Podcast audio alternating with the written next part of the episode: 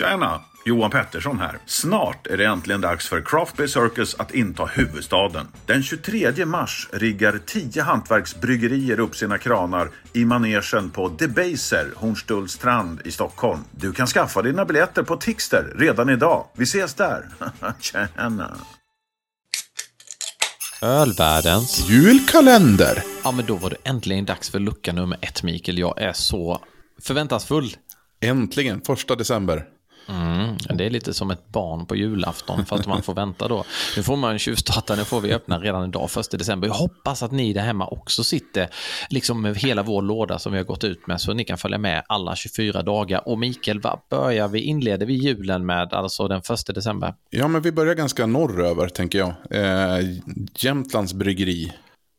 Det är ju en riktig trotjänare, va? Får man säga då. Ja, men det här är väl lite julölens julöl som känns som den har funnits med längre än man är, har levt, liksom, mer eller mindre. Fast det vet man inte är sant, men, men ändå. Så länge man har fått dricka öl i alla fall så har den väl funnits med.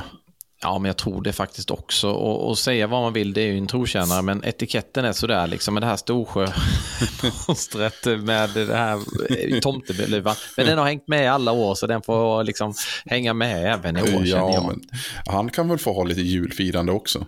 Mm. Vad är det här för typ av ölstil? Typ Old Ale eller något sånt skulle jag säga, va? Eller? Ja, precis. Jag, jag tror också det, att vi, vi pratar någonting sånt.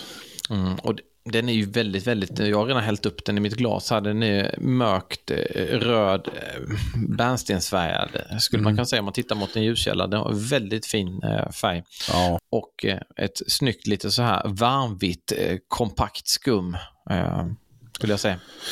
precis. Ja, men jag älskar färgen och just att den är, den är ju väldigt clean, verkligen. Mm, verkligen, verkligen. Har du eh, hunnit dofta på den här klassikern, Mikael? Eller ska vi göra som så att vi Ja. doftar lite på den? Hur känner, hur upplever du den? Ja, men eh, det, jag, känner, jag känner en ganska schysst humledoft tillsammans med den klassiska eh, karamellen. Mm. Den är väldigt knäckig och karamellig skulle jag säga, mer än någonsin. Den, den är väldigt mjuk i tonen också Ja. upplever jag. Den, är, ja, den känns balanserad i doften. Det ska bli väldigt kul att smaka och se hur den... Mm. Mm. Du hinner tjuvstarta lite där, Ja, så jag ja. tänker du får ta taktpinnen och Jag säga vad tyckte du? Nej, men det här är ju jättegott. Det här smakar ju jul. Det, är- det, är en, Mm. man, det finns en liten, ett litet djup i ölen. Liksom. Det, det är Mm. lite rostade toner som smälter tillsammans med de här karamellen. Och, men det, det jag gillar ändå det är att man, man känner den här, ska man säga, vad jag misstänker är lite brittisk humle. Mm. Jag, jag, jag måste säga som så, jag har ju den här ganska färskt i minnet, även om det var säkert ett år sedan jag drack den, att jag skulle säga att det är en av de bättre varianterna. För jag tycker ändå inte att jag upplever att den är en kopia av förra året, men jag Nej. tycker den är Vet, vet, du, otroligt god. vet du vad jag tror? Jag tror att de har mer beska än vad de brukar ha haft innan. Kan vara så faktiskt. Mm, men Jättebra jag tycker- exempel. Jag vet inte, och, och den, vi, vi har ju lyxen att spela in det här lite grann i förväg. Den smakar så otroligt färsk också. ja, den gör ju det. Alltså jag, jag, jag tycker inte riktigt jag känner igen den.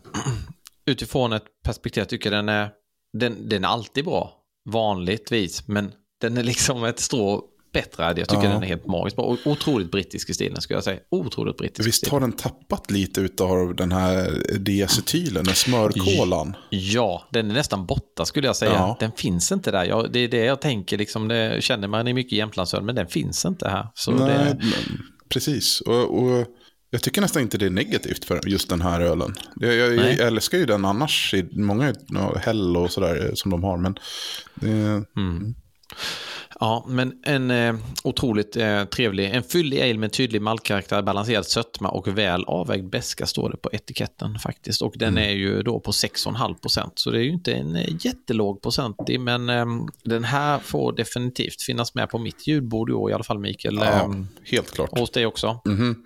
Jo, den här kommer nog vara en ganska självklar eh, under eh, december månad. Vad tror du den skulle passa till? Vill du liksom slänga fram ett tips till våra lyssnare? Finns det något? eh, Den, den har ju en ganska markerad beska så det kan ju tänka sig att den passar till ganska mycket då va? Ja, den, den, den, alltså det är ju matbordet generellt. Och sen så är det lite högre al alkoholhalt också. Men jag tror, det här behöver man kanske, och de som har köttbullar och eh, rödbetssallad, tror jag faktiskt att den här kommer vara klockren till. Mm. Spännande. Alltså just mm. den här feta såsen i, i rödbetssalladen och...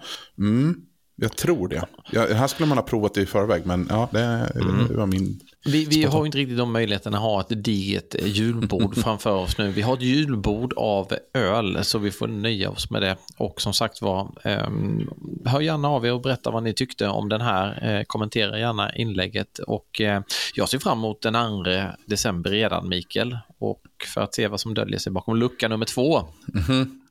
Skål och eh, god jul! Skål och god jul!